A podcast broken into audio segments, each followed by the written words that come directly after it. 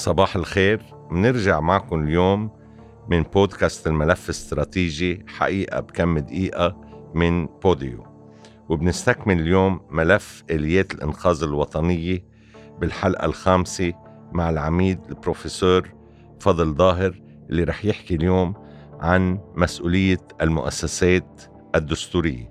صباح الخير عميد تفضل. يسعد صباحك وصباح المستمعين. نتابع معا سلسلة الحلقات المتمحورة حول حتمية وإمكانية استعادة الأموال المنهوبة وحماية أموال المودعين ممرا إلزاميا لأية مبادرة إنقاذية أو خطة إصلاحية مقابل حتمية النضال تصديا لقوننة إجراءات هادفة.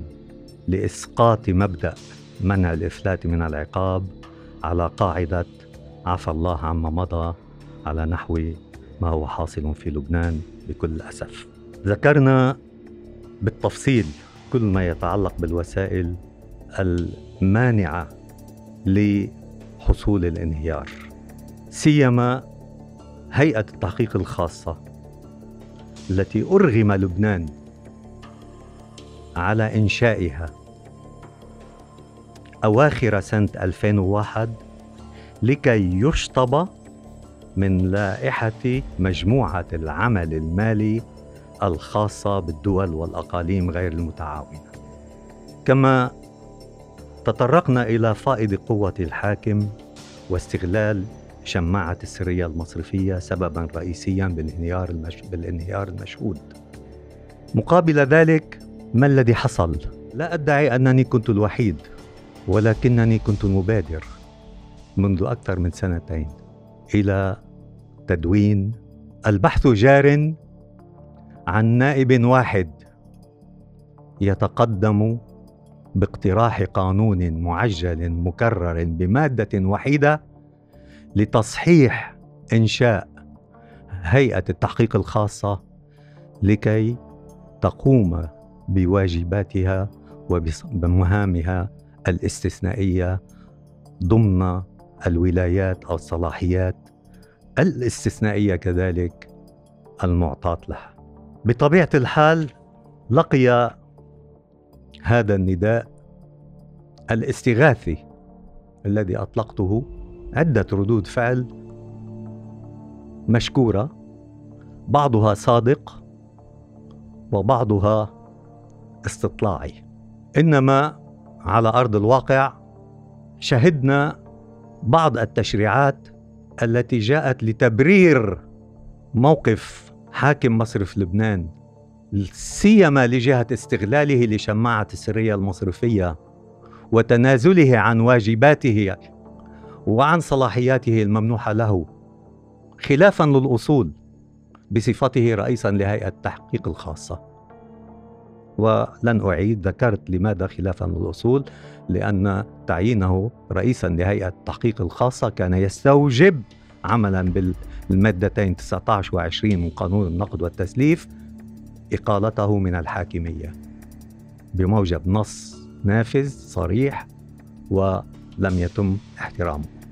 في هذه الحلقة سوف أستعرض سريعا أهم الأسباب الموجبة لاقتراح القانون الذي لم يتقدم حتى الآن هذا النائب الشجاع الضنين الضنين بسلامة الوطن وديمومته واستمراريته والضنين كذلك بسلامة الإنسان في هذا الوطن.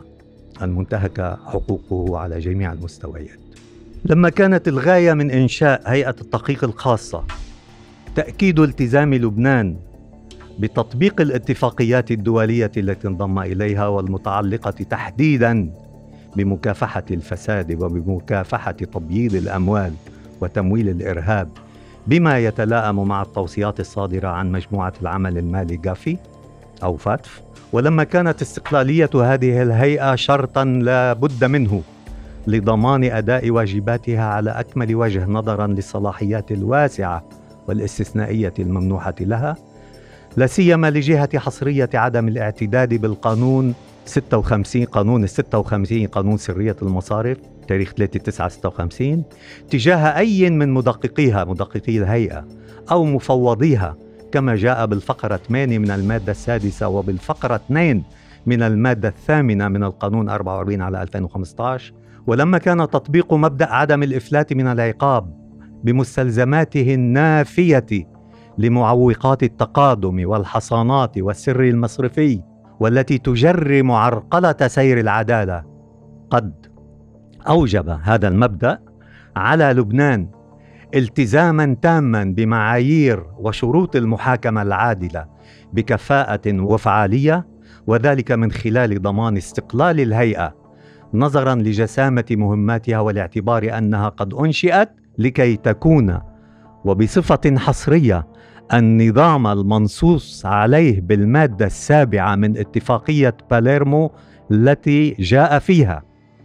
تحرص كل دولة طرف على أن تنشئ نظاما داخليا شاملا للرقابة والإشراف على المصارف والمؤسسات المالية غير المصرفية وكذلك حيثما يقتضي الأمر سائر الهيئات المعرضة بشكل خاص لغسيل الأموال ضمن نطاق اختصاصها من أجل ردع وكشف جميع أعمال غسل الأموال ويشدد ذلك النظام على متطلبات تحديد هوية الزبون وحفظ السجلات والإبلاغ عن المعاملات المشبوهة.